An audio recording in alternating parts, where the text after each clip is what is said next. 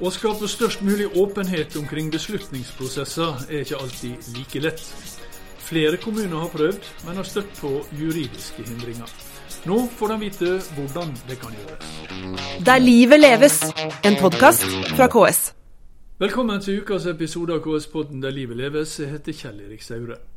I forrige uke så arrangerte KS sammen med Transparency International Norge og Kommunal- og distriktsdepartementet Etikkonferansen 2022. Der ble rapporten 'Åpenhetsregister i kommunene' presentert. Den er laga av advokatfirmaet Lund Co. på bestilling av KS. Bakgrunnen er at en del kommuner, bl.a. Trondheim, har forsøkt å opprette et slikt register, men er blitt stoppa av det som da het Fylkesmannen, i dag Statsforvalteren, fordi det viste seg å komme i konflikt med særlig personvernhensyn. Det var advokat Silje Aga Rågan som, som, presenterte rapporten, og jeg har avtalt å møte henne på kontoret til Lund Co. i Akersgata i Oslo. Og dit begir vi oss nå. Hei, hei. Hei, hei. Du, jeg hadde en avtale med Silje Aga Rågan. Ja. Skal vi se. Skal se at du har besøk. Bare vent her.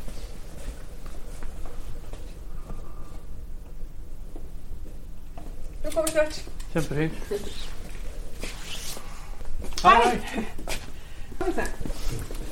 Jeg ser du har fått et glass vann. Jeg, Ja. Vi kan sette oss her inne. Ja, kjempefint. Jeg jeg skal hente meg en kopp kaffe. Ja. Kaffe du òg. Nei, det går bra. Jeg ble spurt, så jeg takka nei.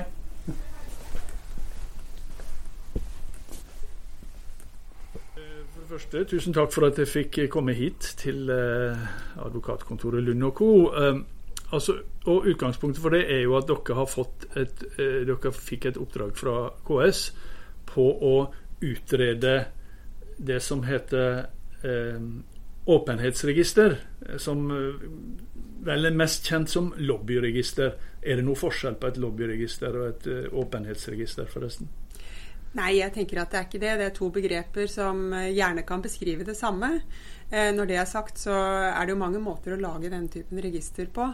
Eh, men når vi eh, og KS har valgt å bruke begrepet åpenhetsregister, så er jo det rett og slett fordi formålet med hele registeret er jo åpenhet rundt kommunale beslutningsprosesser. Og eh, jeg tror veldig mange av de som er inne og ønsker å mene noe om kommunale beslutningsprosesser, de vil føle seg fremmed med begrepet lobbyist. Altså, de ser ikke på seg selv som lobbyister. Det kan f.eks. være lokalt næringsliv. Og da eh, treffer et lobbyregister, begrepet lobbyregister ganske dårlig, syns vi. Mm.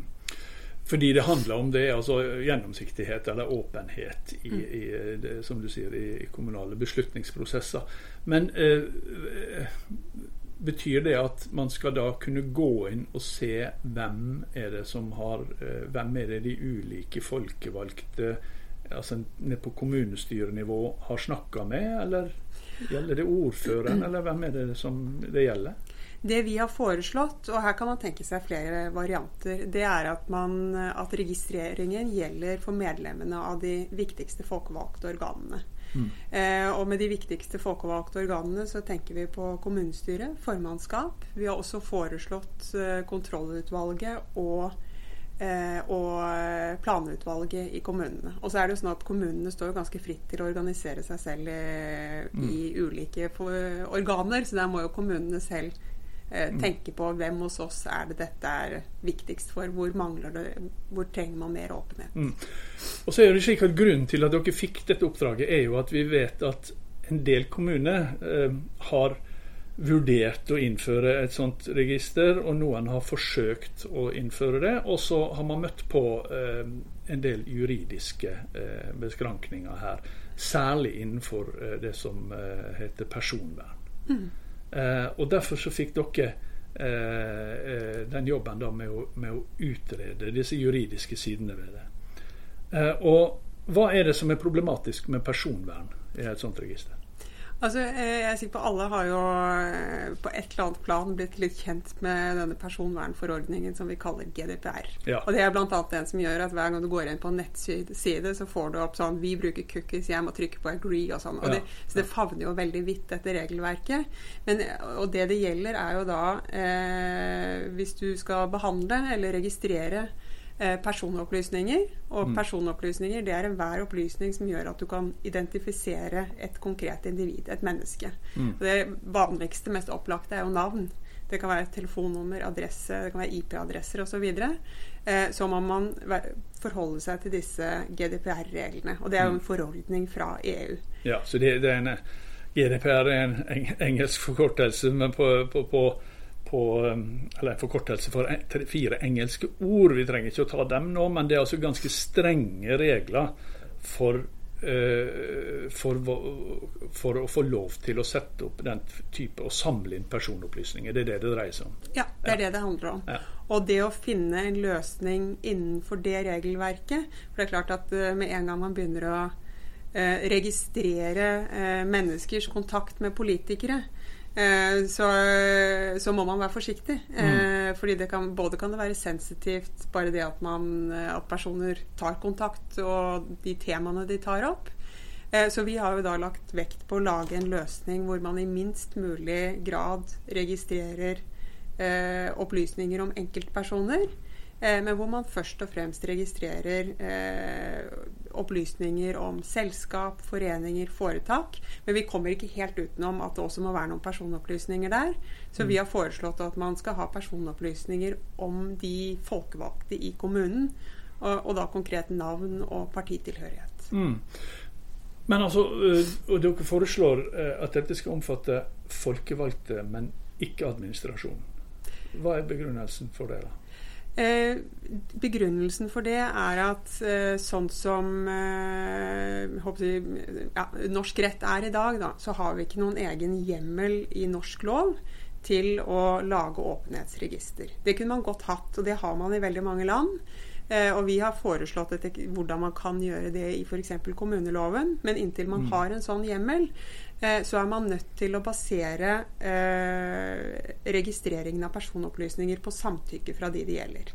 Altså fra de man registrerer personopplysninger om.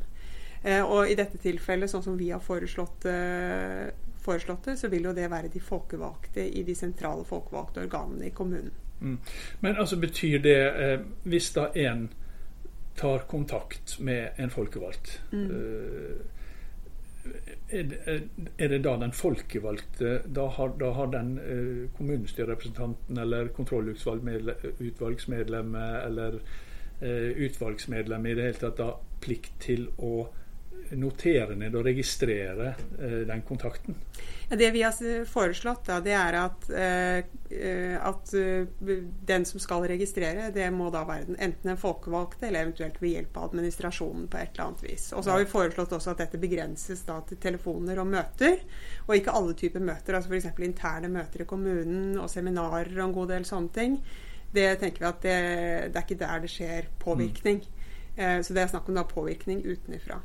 Eh, Så, så det har vi skrevet en del om, men du spurte, og det svarte jeg ikke helt ordentlig på, dette med administrasjon. Hvorfor ikke administrasjon? Man kunne jo godt tenkt seg at administrasjonen, eller i hvert fall i ledende stillinger, da, eh, også var omfattet av registrering. Og der er det sånn at når du er nødt til å basere det på samtykke, så har vi tenkt at det er litt anstrengt at kommunestyret som det øverste organet i kommunen eh, sier at vi skal lage en sånn ordning, eh, og så ber de de ansatte i å samtykke. Og det er spørsmålet hvis på en måte sjefen bestemmer et eller annet, og så får du tilbud som ansatt i å samtykke, så er det ikke sikkert at det oppleves som reelt frivillig. Så derfor har vi ikke tatt med de i administrasjonen. Men hvis, eh, hvis, eh, hvis du gjør det samme med folkevalgte, da, og, og kommunestyret vedtar å opprette et slikt register, eh, men så sier du det er basert på frivillighet, betyr det at den enkelte folkevalgte kan velge sjøl om den vil være med på en sånn ordning eller ikke? Ja, det gjør det. Og eh, så lenge man ikke har en lovhjemmel, så er det, så, så vidt vi har funnet ut, i hvert fall den eneste mulige måten å gjøre det på. Så kan jeg si at eh, det betyr jo da at man lager en Man vedtar et eh, reglement i kommunestyret. Og så må det da være opp til den enkelte folkevalgte om de vil være med eller ikke være med. Så da aksepterer man samtidig at det helt sikkert vil være en del folkevalgte som reserverer seg. Eh, og så kan man lure på ja, vil det fungere, er det effektivt? Ja. Men da tenker jeg at hvis eh, flertallet i kommunestyret først har valgt å vedta en sånn ordning, så må vi jo tro at flertallet i kommunestyret også ønsker å være med. Mm. Eh, Men, men det kan jo være et stort mindretall, for alt vi vet. Eh, Det kan godt være. Hvis man da vil operere i det skjulte, da er det tryggest å ta kontakt med en som ikke eh, er med på dette. da. Det kan man godt tenke seg, men da vil jeg tro at du mister muligheten til å ha kontakt med hele partigrupper. Ja. Eh, og, og jeg tror jo at altså, Eller erfaring med sånn frivillige løsninger eh, viser jo, E- har vist i andre land i hvert fall, og i EU f.eks., at mange velger å være med fordi de mener at det er riktig at dette skal det være åpenhet om. Mm. Eh, og man kan jo også tenke seg at det blir et visst politisk press på de som velger å ikke være med på ordningen, sånn at det blir større oppslutning etter hvert. Og ofte så har jo kanskje frivillige løsninger eller den typen løsninger vært det første steget mot noe som er mer permanent. Mm. Det er jo litt med å begynne litt i det små og det litt forsiktige, og det gjør vi jo gjerne når vi innfører noe som er nytt, og så ser vi hvordan det funker. Og hvis man syns at dette er en god løsning og fungerer godt, så velger man kanskje å utvide det. Men da trenger man en lovhjemmel. Ja. Og da kan man tvinge alle til å være med, for å si det sånn. Ja, nettopp. For, men, altså, for dere har jo blitt bedt om å og, og, og dere har vurdert altså, hvilke muligheter ligger innenfor dagens lovverk. Og så har dere også vurdert hvilke og du har vært litt inne på det, hvilke lovendringer er det som kreves for å, for å utvide det, da? Eller for å øh, hva, Hvilke lovendringer er det som kunne vært ønskelige, da, ut fra et sånt åpenhetshensyn? Eh, hvilke er det? Det vi har foreslått altså Ja. Dette kan man tenke seg løst på mange ulike måter. Men nå har vi jobbet med KS og kommuner. Eh, så vi har foreslått at man kan ta inn en eh, ny bestemmelse i kommuneloven. Eh, og da er det jo sånn at det er allerede regulering som, i kommuneloven som, si, som sier at kommunen har plikt til å legge til rette for åpenhet og sånt. Og det finner vi fire, i kapittel 4, 4.1. Eh, mens Og det er bare den ene bestemmelsen. Så da har vi foreslått at da kan man lage en ny 4.2 eh, som gir kommunene mulighet og, og da at det er en frivillig ordning for kommunene. At de kommunene som ønsker det, får en hjemmel til å innføre et åpenhetsregister. Og det den hjemmelen vil gjøre, det er jo da f.eks. at flertallet i kommunestyret binder alle til å være, til å være med, for å si det sånn. Ja. Eh, at man da ikke enkelte folkevalgte kan reservere seg. Men innenfor dagens regler så må man altså bygge på frivillighet. Ja. Og det vil man også kunne gjøre om man får en hjemmel. Så hvis man syns at det er en bedre modell, så vil man kunne gjøre det selv om du får en hjemmel i kommuneloven. ja, nettopp. Man er ikke nødt til å gjøre det, men Nei, man kan gjøre det. Man kan. Ja, ja, man, det gir flere muligheter med en hjemmel. Ja, nettopp. Men eh, ha, ha, dere har jo vel eh, Altså, dere har jo vurdert det juridiske, da, men jeg tenker det praktiske. Altså, Mm. Ja. vil dette Vil et slikt register innenfor dagens eh, lovhjemler, da, vil det ska, skape mer åpenhet, eller bidra til mer åpenhet? Jeg tror det. Praksis, ja. eh, og, eh, så er det klart at eh, man kan alltid si at det gir ikke full åpenhet. Mm. Eh, det, det kunne vært mer åpenhet, men jeg syns jo ikke at det at eh, man kan tenke seg modeller som gir mer åpenhet, eh, eller at at ikke det gir en fullstendig åpenhet om alt. Altså, tenker jeg Det er en helt urealistisk uh, Ja, Det vil alltid være noen som eh, kan sno seg litt. ja, det vil det Hvis alltid har, være. hvis du har den slags hensikter. Ja, ikke så finner du vel alltid si at en vei, ja. Jeg tror ikke at hvis noen har tenkt til å liksom bedrive korrupsjon, så kommer de til å skrive i det registeret at eh, vi har hatt møte om bestikkelse, liksom. Altså, Ja. Det skjer jo ikke. Så, så den typen systemer som dette, det bidrar til åpenhet, men det løser jo ikke alle problemer. Men det betyr ikke at ikke man skal innføre det. Ja. Det er liksom litt som å tenke at uh, vi slutter å beskatte fordi det er noen som snyter på skatten. Mm. Vi gjør jo ikke det. Vi skal selvfølgelig ha skatt likevel. Og så får man heller jobbe med andre måter på å fange opp de som uh, driver med tullball uh, som de ikke skulle ha gjort. Ja, nettopp.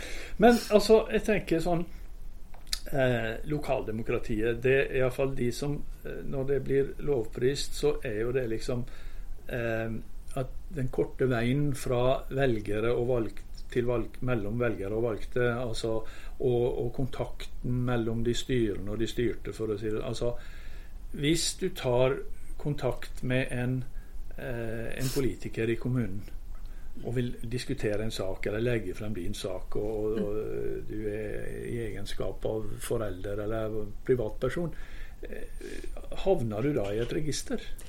Ikke sånn som vi har foreslått det. Eh, og det tror jeg heller ikke er altså Sånne åpenhetsregister finnes, finnes i veldig mange land, Ja. mange steder. Og jeg har ikke sett noen eksempler på at man registrerer kontakt fra enkeltpersoner eh, overfor politikere. Jeg skal ikke si at det ikke finnes, men det, vi har ikke foreslått det. Og det er klart at eh, altså For det første, eh, hvis man tenker rent praktisk, så ville man fått fryktelig mye å registrere.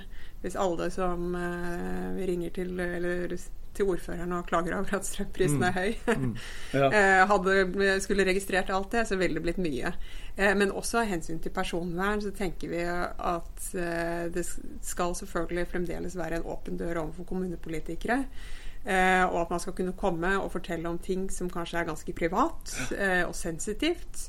Og at man ikke havner i et register av den grunn. Ja, en Så- folkevalgt skal kunne snakke med velgere, og en velger skal kunne snakke med en folkevalgt uten at det skal registreres formelt noe sted. Absolutt.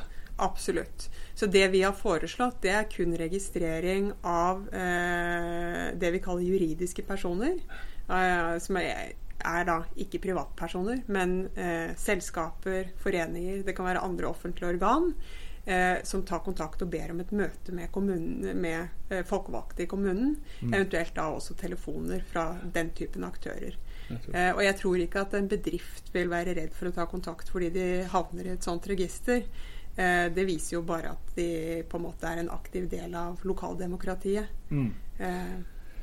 Du, nå har dere da eh, levert denne, denne, denne rapporten, eller utredningen. og Den ble presentert først på etikkonferansen eh, sist eh, onsdag. Eh, og den ligger ute på, på KS sine nettsider, ks.no. Men, eh, og jeg skal snakke litt med KS også, eh, etter jeg har snakka med deg, om, om, om, hvordan, om hva de skal gjøre med han nå når de har fått han. Men hva ville du eh, ønske nå skjedde med, med, med den rapporten som, som dere har laga? Dere har jo for så vidt gjort jobben og trenger ikke Ja. tenke mer på det. Ja, nei, altså det er jo nei, vi, vi har jo brukt masse tid, og vi har syntes det har vært morsomt å jobbe med dette her. Eh, så det hadde jo vært veldig Og vi har jo foreslått en helt konkret modell som kan, kommuner kan ta i bruk. Så det hadde jo vært veldig morsomt om noen kommuner faktisk testet ut. Og jeg skulle også veldig gjerne hørt hva erfaringene fra det var. For det er jo et eller annet med at når du har sittet og tenkt og grubla på et eller annet, så er det jo gøy å se hvis det faktisk, eh, hvis det faktisk skjer. Og jeg tenker jo også at eh, det hadde gjort det veldig mye lettere for kommunene om de faktisk fikk den lovhjemmelen, eller en tilsvarende lovhjemmel som det vi har foreslått. Og så er det jo da sånn at dette er jo ikke noe, Vi har ikke foreslått noe som skal være obligatorisk for kommunene, men noe som er frivillig. Eh, Så en sånn lovhjemmel hadde jo vært eh, veldig fint, for det hadde gjort det veldig mye lettere for sånn som f.eks. Trondheim kommune, som har prøvd å innføre dette og har slitt med å få til noe bra innenfor de rettslige rammene som er. Eller Oslo kommune, hvor det også Ja. har vært en diskusjon, da. Og det blir lettere å forholde seg til GDPR og personvern og juridiske regler hvis man setter seg inn i det arbeidet som dere har levert. Ja, det, det håper jeg, da. det, det har vært formålet, i hvert fall. Nettopp. Eh, Silje Aga Rogan, tusen takk for at jeg fikk komme hit. Bare hyggelig. Og det var det vi hadde i denne episoden av KS-podden Der livet leves. Husk at du kan sende inn tips til oss fra hvor som helst i Norge, vi er flyttbare, til Der livet leves at ks.no. Der livet leves i ett ord, alfakrøll ks.no. Og vi skal snart på tur. Men allerede neste mandag så er vi tilbake med en ny episode. Vi høres da. Der livet leves, en podkast fra KS.